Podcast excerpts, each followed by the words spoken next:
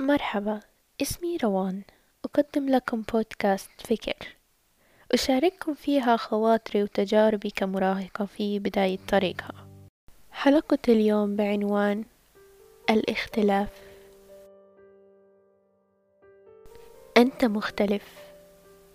كلنا مختلفون. ولكن هل الاختلاف شيء سيء؟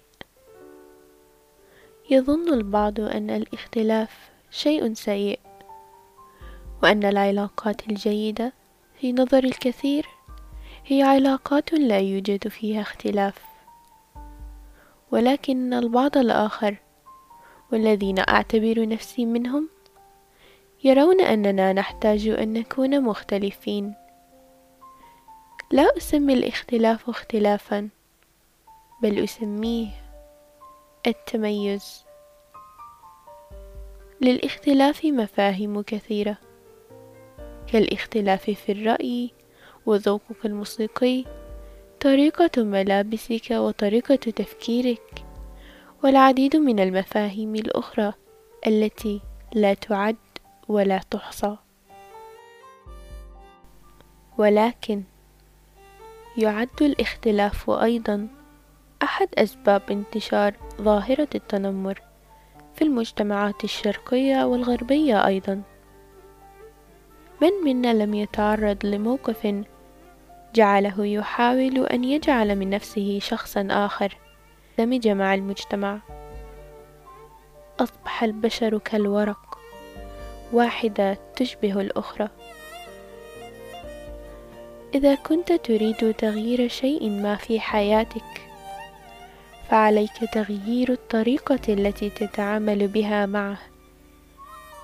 عليك أن تفكر بطريقة مختلفة قليلا وتتصرف بشكل مختلف قليلا وأن تكون مختلفا قليلا عن الآخرين. وقد قالت الممثلة الأمريكية جودي جارلاند في أحد مقابلاتها كن دائما نسخة أصلية من الدرجة الأولى لنفسك. بدلا من أن تكون نسخة مقلدة من الدرجة الثانية لشخص آخر. اعتنقوا مواهبكم واختلافاتكم نقاط قوتكم وعيشوا حياتكم بالطريقة التي تريدونها. دون أن تقلقوا بشأن الحكم عليكم من قبل أشخاص غير مهمين.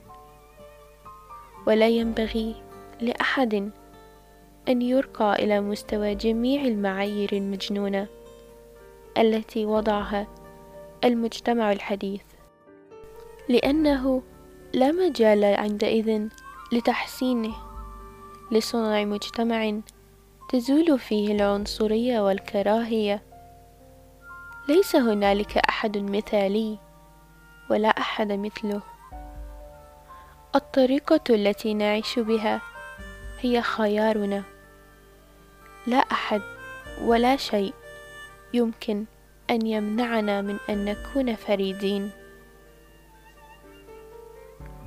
كن على طبيعتك. لا تمنع نفسك من أن تكون مختلفا. اصغوا اصغي لرأيك. وتولى مسؤولية حياتك.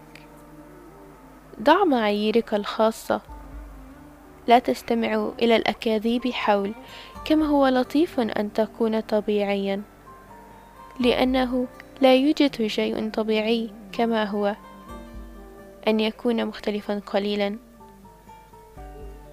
إذا قال شخص ما تعليقا واهيا عنك أو أنك مختلف فقط أومض له ابتسامة.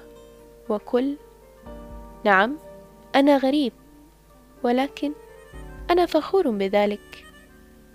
ارفع رأسك عاليا وابتسم. قد تكون هناك بعض المطبات على الطريق لكنها ستمر قريبا جدا. لهذا تسمى مطبات. خذ نصيحتي بجدية وتذكر أن الاختلاف أمر جيد. فكيف تعبر عن هذا التميز الخاص بك؟ ربما ترتدي دائما وبلا كلل جوارب حمراء أو ترتدي ساعتك على جانب النبض من معصمك أو لديك موهبة ليست عند أحد. أو تحمل أكياس شاي خاصة مستوردة معك في كل مكان ولن تشرب شيئا آخر. أو لا يمكن رؤيتك بدون كلبك الصغير المرتعش. أو لديك وحمة على يديك. أو تكتب بقلم حبر بحجم ساق الكرفس أو ترتدي قبعة غريبة أو ترتدي نفس الزي كل يوم أو تزود سيارتك بلوحات الغرور التي ترمز للقبك أو لديك كل شيء مكتوب بحروف واحدة وصولا إلى الأشياء التي لا يمكن ذكرها. وأخيرا محاولتك في أن تندمج مع المجتمع. تجعلك خبيرا في فعل ما يريده الآخرون. توقف عن محاولة أن يتم قبولك حيث لا يسمح لك بتحقيق رغباتك الخاصة. ستنتمي دائما إلى حيث يمكن. متابعة أحلام قلبك.